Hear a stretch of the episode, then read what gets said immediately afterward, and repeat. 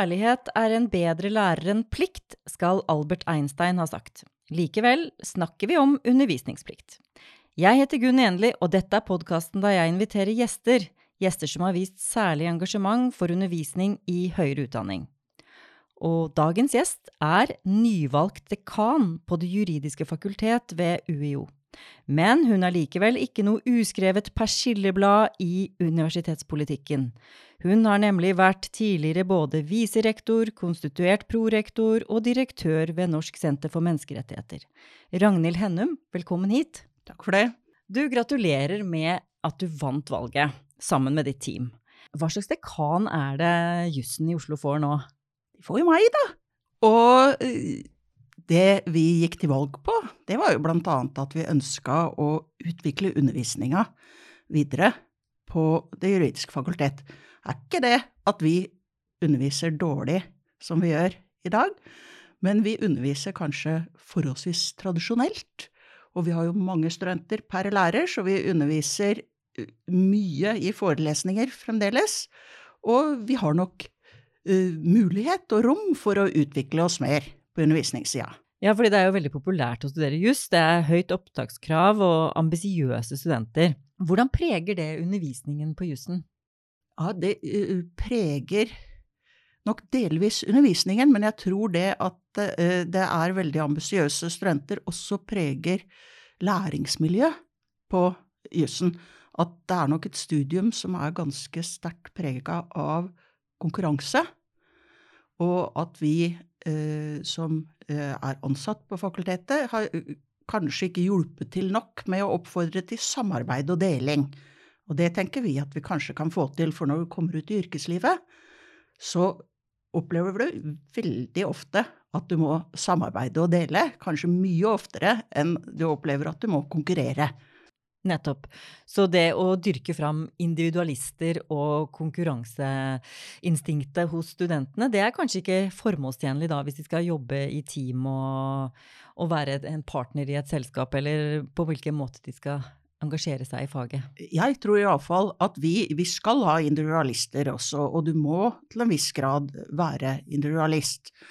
Det må du i alle yrker, men du må også kunne samarbeide og kunne dele med andre. Og jeg tror sånn vi har det nå, så vi for, kanskje står vi for tungt i det eh, konkurranse- og individualistsporet, eh, og at vi kan ta litt av vekten over på samarbeid og deling, uten at vi dermed skal fjerne all konkurransen. Mm. Men dere ønsker å variere undervisningsformer og evalueringsformer. På hvilken måte er det dere tenker å jobbe med det? Altså det, først og fremst må vi jobbe sammen med studentene og lærerne. Altså det, det blir ikke noe vellykka uh, endring av undervisning hvis ikke de som faktisk skal gjennomføre undervisninga, uh, syns at det er en god idé. Men det er det mange på fakultetet som har lyst til å jobbe med. Og vi, har, uh, vi er i finalerunden nå på det som heter SFU, eller Senter for fremragende utdanning, som nettopp er et fellesprosjekt der vi skal jobbe med endring av uh, undervisning. Og det er det mange, etter hvert mange lærere som har veldig lyst til å være med på. Mm. Men hvorfor hadde du lyst til å bli dekan akkurat nå?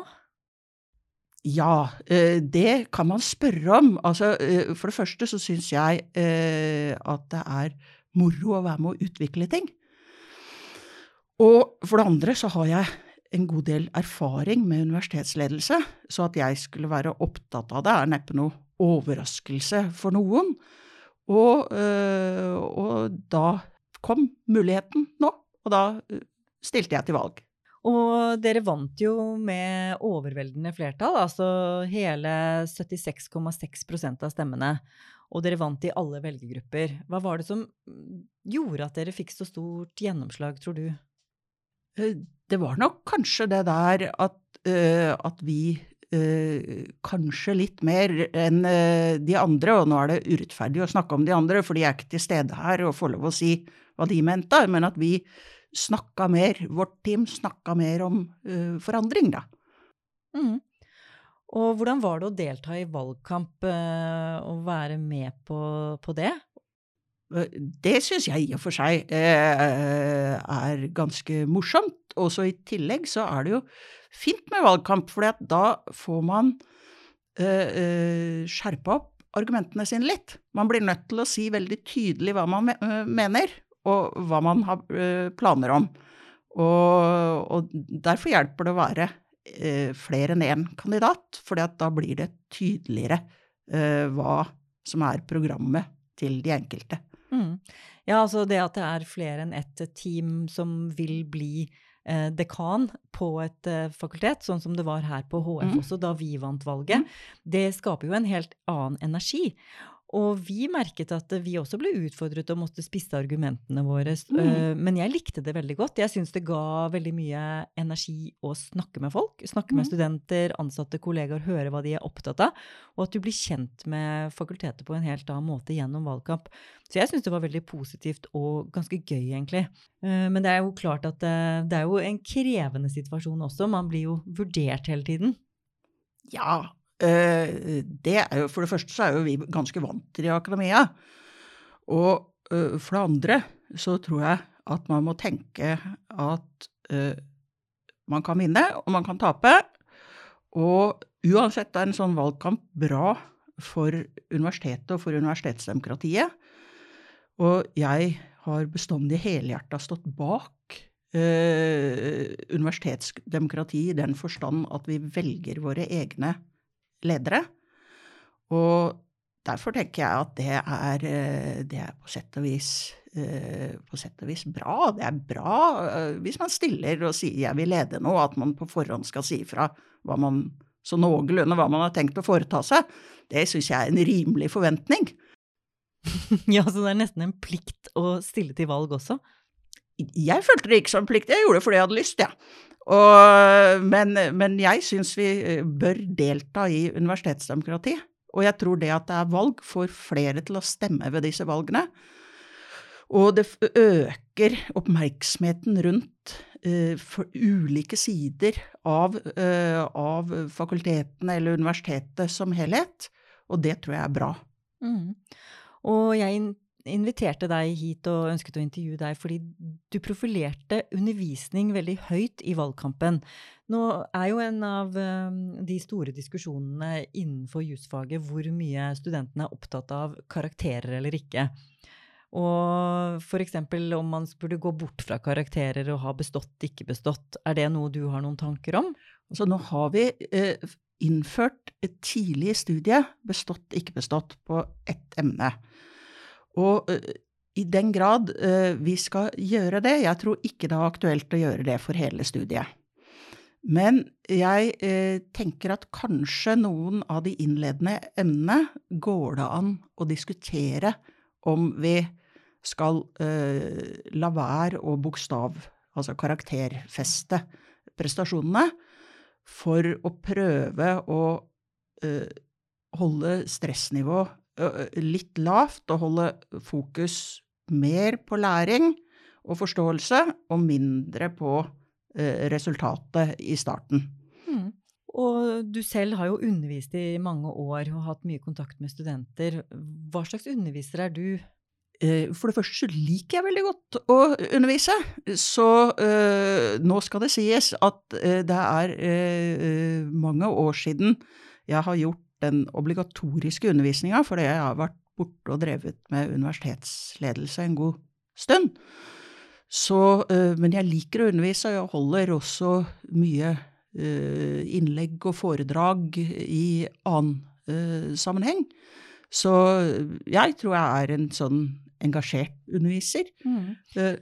Men den derre bedømmelsen er jo egentlig ikke jeg selv som bør foreta. Det er det de som har hørt på meg, som bør foreta. Ja, og jeg har jo vært en som har hørt deg forelese, eller kanskje ikke det, men i hvert fall holdt et foredrag. Og det var jo om seksuell trakassering i sektoren. Og da var mitt inntrykk av at du bruker deg selv veldig mye, og at du er veldig engasjert. Og er ehm, ja, litt uh, rett fra levra, hvis man kan kalle det det. Er det sånn du underviser studenter òg? Eller er det en annen sjanger for deg? Nei, det er, det er pluss-minus den mm. samme sjangeren. Men det er klart eh, når jeg underviser studenter som har et pensum og skal ha en eksamen, som dere ikke skulle ha. Dere skulle ikke ha eksamen i seksuell trakassering, eller hvordan bekjempe det, men uh, dere skulle, vi skulle bare initiere en samtale. Uh, når jeg holdt det foredraget, så da må jeg nok være litt strammere i formen, men, uh, men, det er jo mye av den samme. Man skifter jo ikke personlighet Nei. ettersom hvilket lokal man går inn i. Ja, Så tonen er litt av den samme, og tilnærmingen til Eh, studentene er litt av den samme. Så det vil si at du tar deg ikke så høytidelig? Nei, det, det er det vel neppe noe stor grunn til heller. Så i tillegg er det veldig slitsomt så, å ta seg selv høytidelig. Det er en meget krevende situasjon å være i, fordi man må passe på alt mulig hele tiden. Ja, Så det orker du ikke? Nei. Nei, det er jo en smittsom innstilling. Altså at mm. man ikke tar seg selv så veldig høytidelig og setter så veldig strenge krav til seg selv. Så gjør jo det at uh, mottakerne også slapper litt mer av og føler mm. seg litt mer vel, og kanskje tør å stille mer spørsmål. Mm. Og det er jo vært en ting som har vært veldig vanskelig når vi uh, uh, I perioder har vi forelest i Misjonssalen Én uh, ja. ting er at vi uh, står Da står vi høyt opp på en scene, til og med med en talerstol med kors på talerstolen. Og uh, fordi at vi har måttet leie dette lokalet av en menighet fordi vi ikke hadde store nok lokaler selv. Nå med det nye bygget så får vi store, store nok lokaler til å ha inn hele kull. Så da øh, tror jeg vi får en mye bedre undervisningssituasjon. Men de lokalene har ikke vært egna for toveiskommunikasjon. Nei. Så det blir nesten som en preken? Det blir litt som en preken. Øh, og i den grad man kan stille spørsmål, så kan man øh, selvfølgelig ta noen spørsmål underveis. Det kan gå an. Men, det, men så må man stille spørsmål man vet studentene vil stille, stille dem selv, og øh, vente litt og prøve å besvare det selv. Ja, så etterpå. det er et triks. Når den muligheten til å få fram spørsmålet er begrensa, så kan det være en mulighet. Og selvfølgelig å la studentene ha rom til å stille spørsmål i pauser, på mail osv., som man tar opp i plenum uh, seinere. Mm. Hva slags underviser er det du liker best selv, eller som du har hatt glede av å høre på? Det kan være så mangt. Jeg har, uh, tror jeg, jeg kan like veldig ulike uh, former. Og, uh, og, det er selvfølgelig Du skal være veldig interessert for de som leser et manus, men jeg har hørt sånne som har hatt så gode manus at jeg har fulgt kjempegodt med og vært veldig interessert, jeg, også uh, i en sånn form. Og først og fremst tenker jeg at det er viktig at folk ikke blir en annen enn den de er. Sånn at det mm. blir kunstig og rart. At de uh, er seg selv, uh, og som vi alle er mennesker.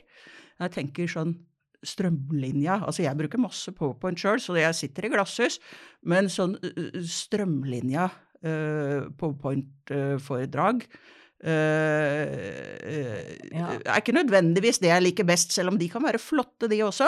Er ikke nødvendigvis det. Jeg syns først og fremst at folk skal være seg sjøl, og ikke nødvendigvis resultatet av et kurs de har gått på, eller noe sånt.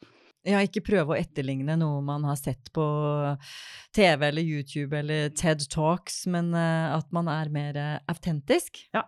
Mm. Og, og, det er jo også noe jeg ser når du presenterer, at du, du virker å være den samme både på eh, et auditoriescenen og, og privat. Det bruker seg selv på, på samme måte. Og igjen, det hadde vært veldig, veldig krevende å skulle drive og flytte personlighet. Du kan justere lite grann, og så kan du si at nå For eksempel, jeg har snakka mye om temaer som er veldig eh, alvorlig for enkeltpersoner. Eh, vold og overgrep har jeg snakka mye om. Da skal du sørge for å ha en form som gir alvoret i temaet respekt. Så da Jeg liker godt å tulle litt, Da tuller jeg litt mindre. Mm. Men eh, man kan ikke skifte personlighet. Det er, eller det er mulig man kan, men det er, det er ikke noe for meg, iallfall. Mm. Nei, altså Man Mm. merker jo når du har et alvor i di, ditt budskap, og akkurat nå så snakket du litt saktere og Mm. litt mer eh, konsentrert enn kanskje når du prøver å være morsom, eller når du er morsom. Mm. Men det er klart at, eh, at det er en, ja, en balansegang man må Mm. føle seg fram i. Og det gir jo også veldig mye kjennskap til hvordan du har det med studenter. Altså det å, hvordan man snakker med studenter handler jo også om å vise respekt og forståelse for deres situasjon, og om også et slags eh, maktubalanse, eller hierarki, da, og Mm. hvordan man håndterer det. Og det har jo du vært veldig involvert i, hvordan Universitetet i Oslo skal håndtere seksuell trakassering, både i forhold til studenter, men også midlertidig ansatte og utsatte grupper, og, og, og hele kompleksiteten rundt det er jo også et veldig alvorlig, krevende tema. Ja, det er det. Og, og vi har jo en struktur på universitetet hvor vi liker å se på oss selv som veldig likestilt. Og, og så er vi egentlig kjempehierarkiske. Mm. Og, og det er vanskelig å håndtere. Og jeg tror den beste måten å håndtere det på, er å snakke om det. Sånn at de, vi, for både du og jeg, har nå mye makt. For vi er øh, Du er ikke 50 ennå, kanskje. Jeg er 52, og jeg er professor. Og jeg får makt. Mm. Jeg har makt, og det må jeg være bevisst på. Så det at vi snakker om det, sånn at vi, særlig de som har makt, skjønner at det er makt man har. Ja, at det er et ansvar i det. Det er et ansvar Mm. i det. Og det eh, Nå skal ikke jeg skryte, jeg blir ikke ne nedrent av noen, for å si det sånn. Eh, men hvis en eller annen eh, 24 år gammel studine skulle bli forelska i meg, så er det åpenbart ikke Jeg har jo speil hjemme, så jeg skjønner at det ikke er nødvendigvis Ragnhild Hennum eh, man blir forelska i. Dette er den Ragnhild som opptrer i en maktfull posisjon. Det er det veldig vanskelig å håndtere. Mm. Og uh, også å Mm. klare å skille ut, for noen ganger så blir jo folk, på tross av store aldersforskjeller og sånn, så blir de uh, sammen og kjærester og sånn. Også, men å vite at veldig mye av den oppmerksomheten som man kan få fra studenter, både gutter og jenter, både kvinner og menn kan få den oppmerksomheten, den skyldes ikke eh, eh, vår egen person, på en måte, men det skyldes posisjon. Og da skal det håndteres med Mm. eh, ro og kløkt. Ja, for nå er jo du dekan-elekt, hvis vi kan kalle det det. Ja. Og det gir jo mm, maktautoritet, og det er jo tiltrekkende for mange. Og det er jo klart at den bevisste holdningen som du snakker om der, Mm. som vi alle burde ha, og alle bør ha, det er vel også en mangelvare i alle de tilfellene av metoo som vi har opplevd i, i norsk politikk og internasjonalt. Ja, så er det der å se seg sjøl og sin egen makt. For man vil innmari gjerne være kompis og likestilt og øh, sånn også. Og, og da å se makt og hva makt kan bety i en situasjon, det er kjempeviktig. Og, øh, og for at folk kan jo tilby seg noe annet også. De kan liksom tilby seg å gjøre en tjeneste for deg. La oss uh, si at uh, du hadde en student, da. Uh, eller jeg kan ha, ha en student, da. Jeg har ikke noe barn, så det blir litt dårligere eksempel. Men en student da, som kom og passa bikkja mi. Er det greit? Begynte å gjøre meg tjenester, passa bikkja mi. Rote litt mye. Kanskje begynte å rydde litt hjemme hos meg. Det hadde det vært behov for, vet du. Komme hjem til deg, eller Ja, ja, ja. Og så ikke noe, ikke noe at det ligger noe uh, Ja. seksuell trakassering, ikke noe. Men det der, er det ok? Går vi over noen Mm, grenser mm. da? Ja, hvis man uh, uh, tillater at Mm, mm, noen varter deg opp, gjør deg tjenester, kjøper kaffe, Mm, lunsj, eller tilrettelegger livet Mm. ditt, hjelper deg så det går raskere, og. Og kjører deg rundt eller sånn, så er det jo klart at et sted så må man jo våkne opp og tenke, er dette riktig, hvorfor gjør vedkommende det, eller er jeg, er jeg blind nå, ja, utsettes jeg for noe, ja. Ja. Og, så, og, og det er den der å være eh, bevisst på hva den makten eh, innebærer. Så kunne det hende det var en helt sånn ekstremt hundeinteressert student, Ja. hva vet jeg. Eh, men, Ja, eh, eh, men, men man skal iallfall være veldig oppmerksom på den type situasjoner hvor noen eh, eh, gjør noe uventa eller tilbyr seg noe uventa, hva det nå skulle være, og, Ja. eh, og vedkommende har veldig mye mindre makt enn deg. Ja. Hvorfor skjer dette? Hvordan skal jeg reagere på det? Ta et skritt tilbake, tenk hvorfor skjer dette, ja. Mm. Eh, Fordi det no, at det er uventet, Mm. det syns jeg var veldig godt sagt.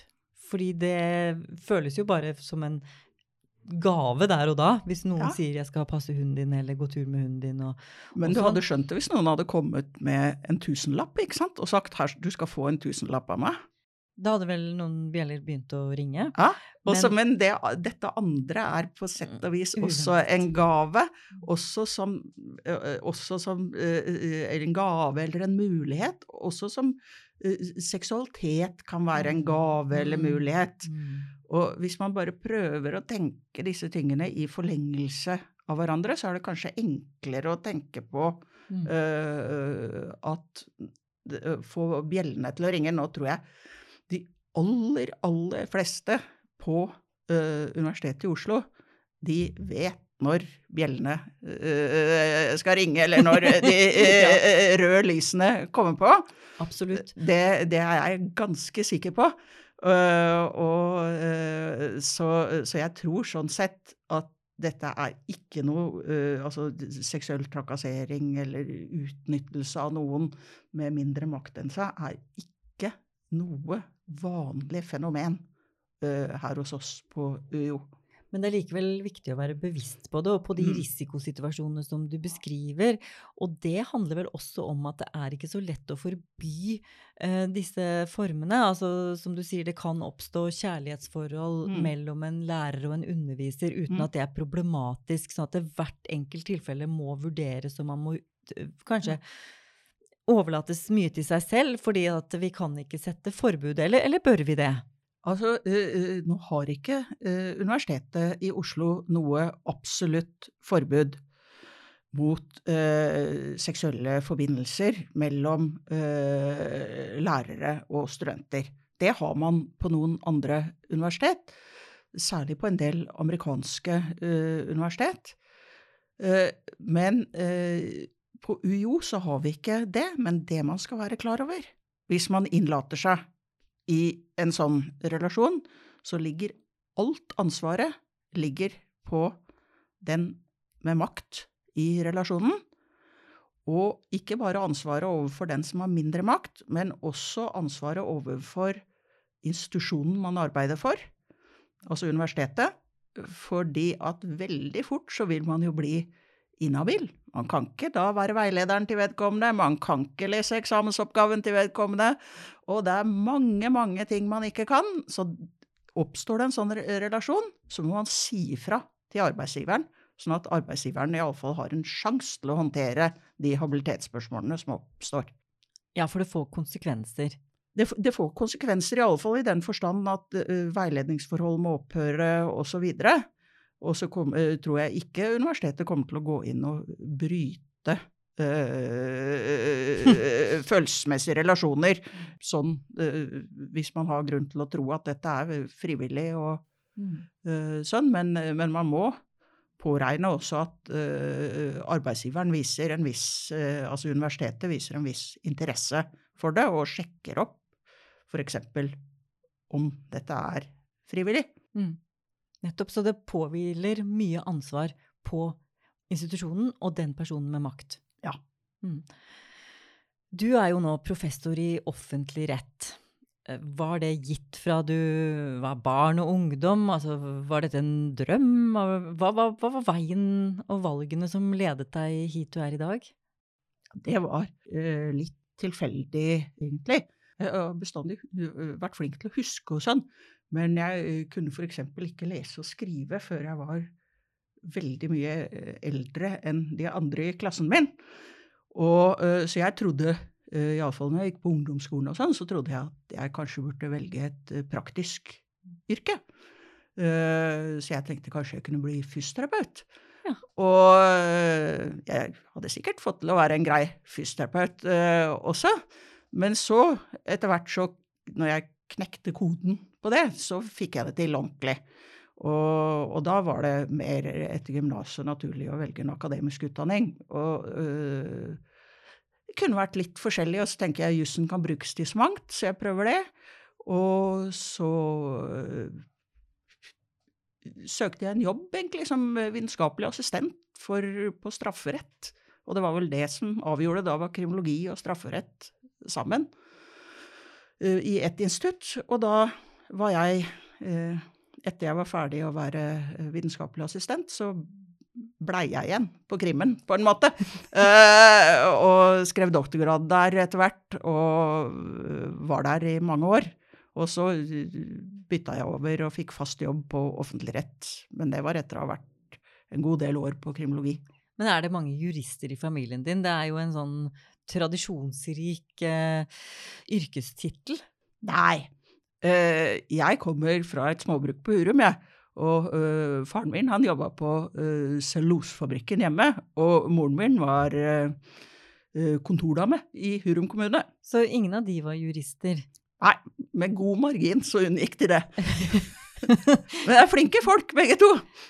Men de hadde ikke livsmuligheter. Ja, faren min, hvor interessert han hadde vært, det skal være uh, usagt. Men moren min kunne nok hatt interesse av en mer akademisk utdanning.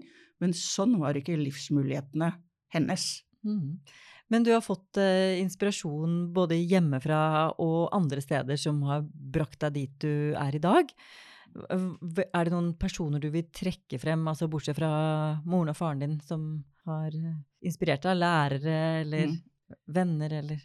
Ja, altså, når jeg kom jo veldig ung til kriminologi og strafferett, da var eh, Jo Sandnes og Anders Brattholm var der ennå, men de, eh, Anders hadde akkurat blitt pensjonist, og eh, Johs var vel en nesten ti år eldre, men eh, de var jo veldig og var utrolig eh, vennlige mot oss små også, og forklarte oss og hjalp oss i tillegg. Eh, Nils Kristi, Cecilie Høygård, Liv Finstad har jo vært på ulikt vis. Mm. Mm. Og også andre, sånn som Kjersti Eriksson. så jeg vokste jo opp på sett og vis på kriminologi og, og blei eh, prega av det, men også disse nestorene i strafferettsfeltet, mm. og i tillegg en eh, hel masse av usagte, usagte kolleger og eh, venner. Så, men mm. først og fremst så blir man jo noe fordi man vil det selv. Ja. Og det er viktig. En indre og, motivasjon. Ja, og til å bruke seg sjøl, til å uh, gjøre noe sjøl. Og, mm. og, den gryta Det er altfor seint eh, når du er 20 år og kommer på universitetet, uh, å få den tilliten til deg selv til at du kan få det til. Så den trenger man å få fra foreldrene sine mye før så den gryta må fyres opp hjemme ja. og bygge grunnlaget. Eller iallfall av noen. Det er mm. ikke alle mm. som uh, har uh, muligheter i, i, hjemme hos seg selv til å få, uh, få den tilliten til å få til ting. Men noen. Da kan det være en lærer, en annen betydningsfull person i livet uh, som hjelper deg å få den. For du, først og fremst må du ha egendrift. Mm. Ja, det tror jeg du har rett i. Men hvordan eh, er det med deg i forhold til det at du er faktisk valgt nå som til å bli den første kvinnelige dekan på Det juridiske fakultetet ved Universitetet i Oslo? Det er historisk. Ja. Det, er, det har ikke vært noen kvinner som har vært dekan tidligere, det kan vi konstatere. Eh, sånn er i og for seg situasjonen, tror jeg, på noen andre av fakultetene også.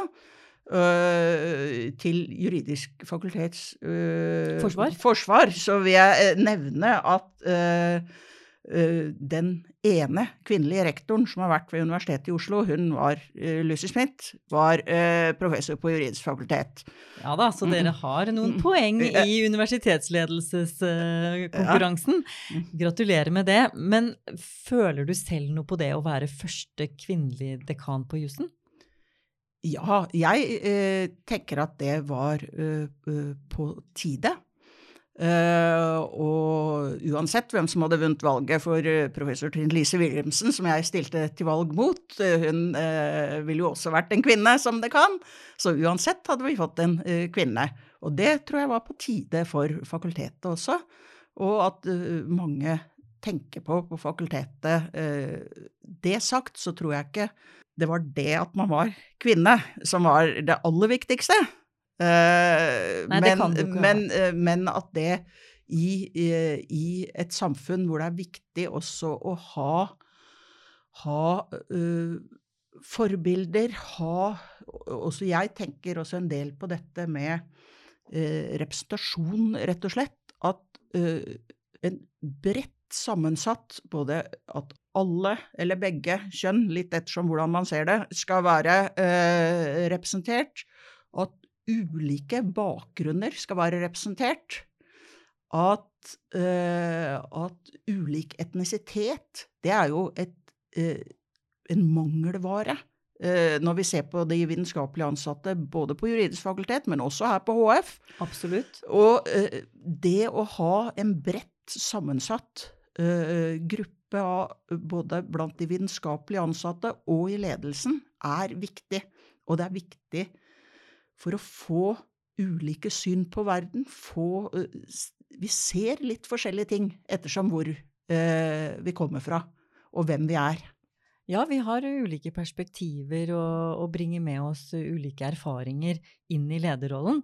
Apropos det vi snakket om tidligere om å være seg selv og bruke seg mm. selv, så vil det jo nat naturligvis være sånn.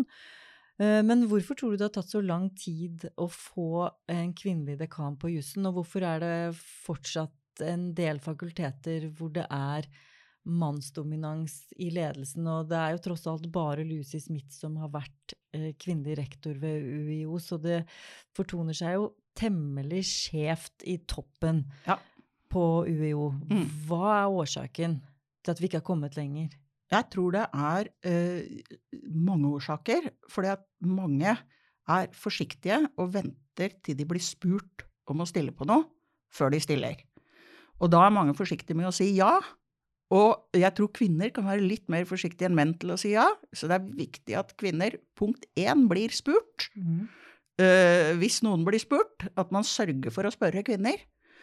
Og, uh, og, sånn at man ikke bare på en måte reproduserer seg selv når man spør noen. Altså at hvis jeg skulle spørre noen, at da spør jeg noen som ligner akkurat på meg selv. Mm. Kanskje burde jeg da tenke nei, er det noe lurt at vedkommende skal ligne ja, akkurat meg selv?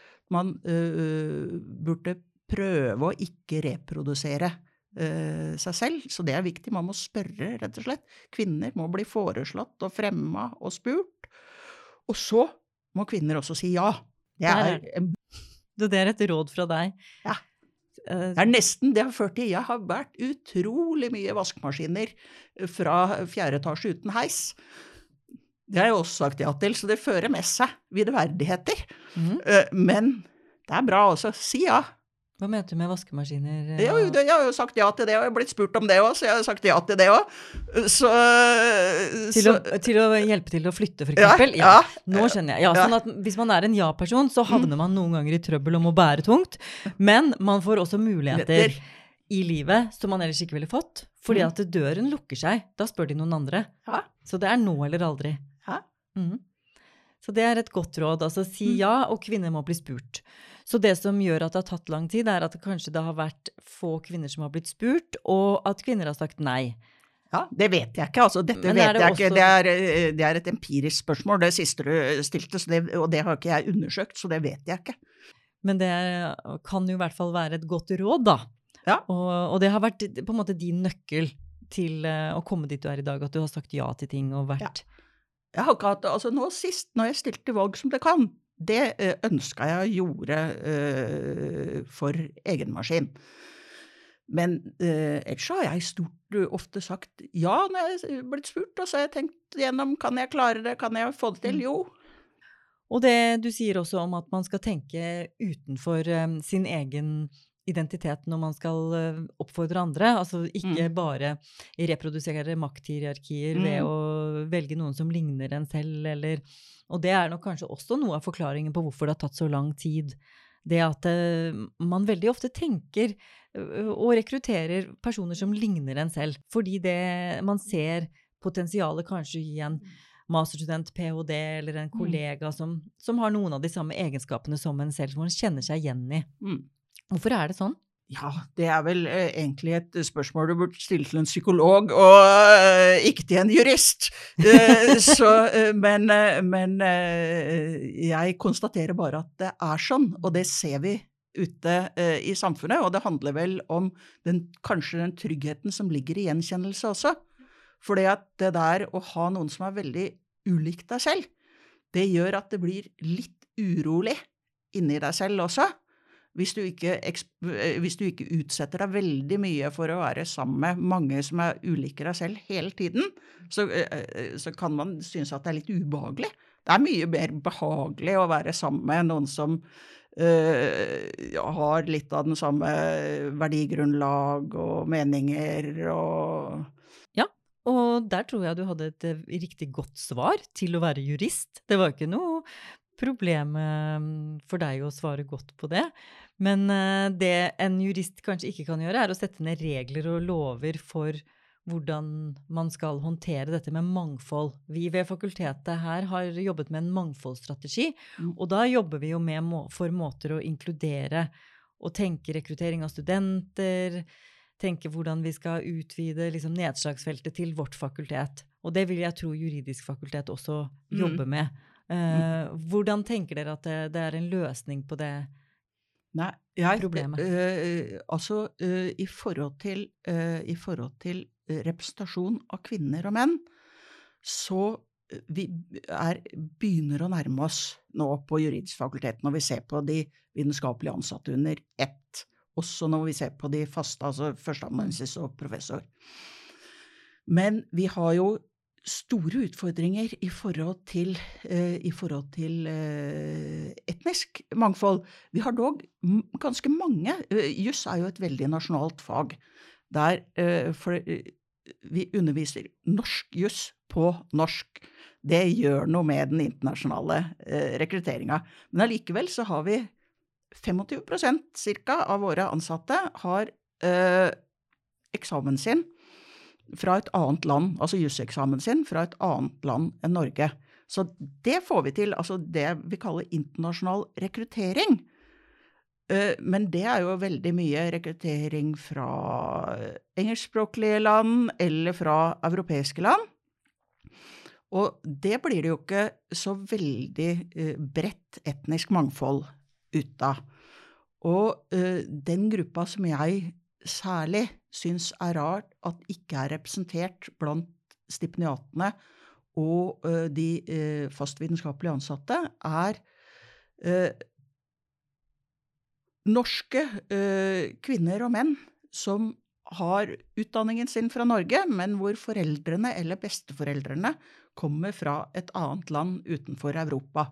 Mange, vi har mange sånne studenter på juridisk fakultet, altså som har den bakgrunnen. Ja.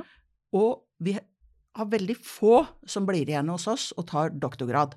Og det tenker jeg er rart, og det har uh, iallfall uh, mitt dekanteam gått i valg på at vi ønsker å gjøre noe med. Vi tror at noe av nøkkelen kan være rekrutteringen til stillinger som vitenskapelig assistent. Ja, det begynner der. begynner der. For veldig mange av de som Hos oss så har vi studenter som vitenskapelige assistenter. De skriver en stor masteroppgave, de fleste av dem. Og øh, det er Veldig mange av dem er forskerspirer. Og øh, som sein, går, går videre på doktorgrad. Og da tror jeg kanskje at rekrutteringsnøkkelen vil finnes der. Ja. Kanskje andre steder også, men iallfall det er et sted å begynne. Mm, og det blir vel litt av det samme som eh, med Man har jobbet med kvinner, og at man må spørre folk og se de og Mm. tilrettelegge. Ja. Og undersøke hvorfor eh, er det Mm. så få av den gruppen som ønsker å gå videre til å bli stipendiat, og etter hvert Mm. en del av staben, sånn at staben blir mer mangfoldig. Eh, Men jeg hører at dere har lyktes med både å få likhet i representasjon av kjønn og etnisitet på student, generell student. Ja, ja, ja, på studentene så har vi jo vi det samme som man har på HF. Der har vi mange flere kvinner enn menn. Og, øh, og ja. Så der er det, det Det er jo generelt, og det er jo ikke et problem som i og for seg fakultetene eller universitetet kan løse, for det starter jo mye tidligere. Mm. Eh, Det er færre gutter enn jenter som kvalifiserer til høyere utdanning i utgangspunktet. Så eh, den på en måte tellefeilen, den eh, begynner mye tidligere i skoleverket, da. Vi ser på en måte bare resultatet av det Mm. hos oss på universitetet. Og, og, og vi kan drive på med sånne tiltak som man har gjort i noen sammenheng, sånn kjønnspoeng til gutter på psykologi, eller som de gjorde på uh, gamle veterinærhøgskolen for uh, noen år siden. uh, kjønnspoeng til gutter på veterinærstudiet. Og så uh, Det virka jo ikke så godt, for da hadde de flinke jentene bare etter et par år Det virka et par år, og så da hadde de flinke jentene tatt og tilpassa seg, sånn at da hadde de fått de ekstra poengene og kom inn allikevel. Så, eh, så, eh, så jeg tror det, løsningen på det ligger i at eh, flere gutter må kvalifiseres til høyere utdanning for å Mm. få en bedre balanse eh, i studentmassen generelt. Da. Og så handler det om kjønnsspesifikke studievalg. Eh, altså, eh, det er flere gutter på uh, Matnatt enn det er noe annet sted på UiO. Og det handler om kjønnsspesifikke eh, studievalg også. Som, og der kan universitetet gjøre noe, for der kan vi prøve å vise hvordan ulike studier er fine og gode studievalg for begge kjønn. Ja, og da er det jo sant at eh, de som rekrutteres til høyere utdanning, er jo bare det grunnlaget vi har å velge fra. Mm. Altså, norsk skolesystem har på en måte produsert da, en, Mm. en generasjon med kandidater til høyere utdanning, og, og de som søker til oss, er eh, da overvekt kvinner, både på juss og HF. Og det at de velger så Gutter velger matnattfag, det, det er jo noe som man jobber med, å endre stereotypier eller å få inn kvinnelige rollemodeller og mange, mange utfordringer der. Men, men som du sier, det er noe man kan jobbe med. Men karakternivået, det, det er, ligger litt skeivt allerede i, i utgangspunktet. Mm. Nei, men når vi snakker om juss og jusfakultetet, så er det jo nærliggende å tenke på den skandalen som har gått nå i høst, altså Nav-skandalen. Er det noe dere diskuterer, eller noe som du tenker at er relevant for det juridiske fakultet? Altså er det noe eh, dere jurister burde ha sett, eller noen, er det noen feil og mangler ved utdanningen, eller, eller er det overhodet ikke det? Eh, For det første så diskuterer vi det, og ja. veldig eh, omfattende og uh, grundig. Og vi har mange både avvikla og planlagte eh, seminarer hvor vi skal diskutere hvordan kan, kan dette skje. Og det er klart at vi også må gå i oss sjøl. Har vi eh, undervist tilstrekkelig i eh, de aktuelle fagene, og ikke minst det vi må spørre oss om, har vi utdanna kildekritiske, altså kritiske nok jurister til å Fordi at reglene, de kommer til Nå har disse reglene vart eh, lenge, og dette burde absolutt vært, eh, vært oppdaga. Men eh, regler forandrer seg, og nå har vi eh, Og regler er mye mer i forandring nå enn før, og vi har et mye større tilfang av både nasjonale og internasjonale regler.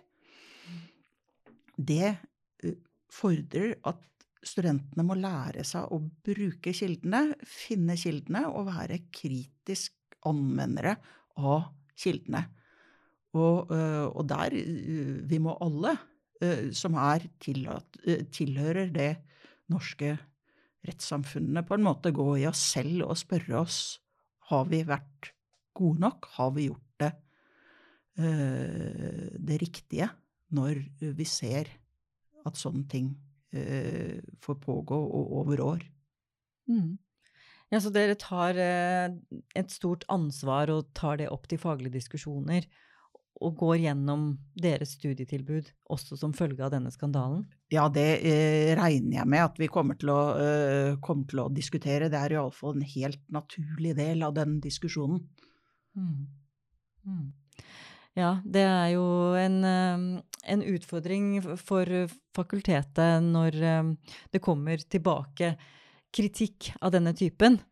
Uh, men syns du det er deilig at du ikke selv er dekan på dette tidspunktet? At du Overhodet ikke. Dette har pågått i så mange år. Og jeg vil ikke si For meg er det ikke noe uh, kritikk av fakultetet, sånn jeg tenker på det. Men jeg tenker at vi skal også tenke på å benytte denne anledningen til å tenke på hva vi underviser i, hvordan vi underviser, osv. Ansvaret for dette ligger først og fremst noen andre steder, men uh, det er en god mulighet også for oss til å tenke.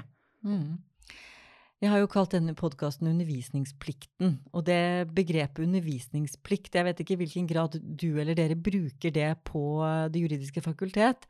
Uh, har du noen tanker om Hva assosierer du ved, med det ordet? Altså, jeg har aldri tenkt at undervisningen er noe veldig tung plikt. Jeg, eh, jeg har eh, bestandig syntes at det har vært ganske moro, egentlig. Og, øh, men, øh, men, det er klart, på juridisk fakultet har vi også, fordi at vi har veldig mange studenter per vitenskapelig ansatt, så vi øh, fører jo nøye regnskap over hva vi gjør av undervisning. Og det må man. Det er først og fremst en beskyttelse for de ansatte at de ikke skal eh, undervise altfor mye og ikke få noe tid igjen til forskning. Og, eh, men, eh, men, ellers så tenker jeg at kanskje kan vi eh, bare kalle det undervisning. Og det er de to tingene vi skal drive på med her. Vi som har sånne kombinerte stillinger, så skal vi drive på med forskning og undervisning. Og så øh, kan vi kalle det uh, bare undervisning og ikke undervisningsplikten. Men at noen innimellom har følt det som en plikt, det uh, kan jeg forstå. Men, ja. men, jeg tror ikke kanskje det sender et veldig sånn trist signal. Og når jeg ser hvor mye glede øh, folk har, og entusiasme de legger ned i undervisninga, så tror jeg egentlig ikke plikt er noe særlig dekkende begrep. Nei, det tror jeg også du har rett i, i, i forhold til mine erfaringer her på fakultetet.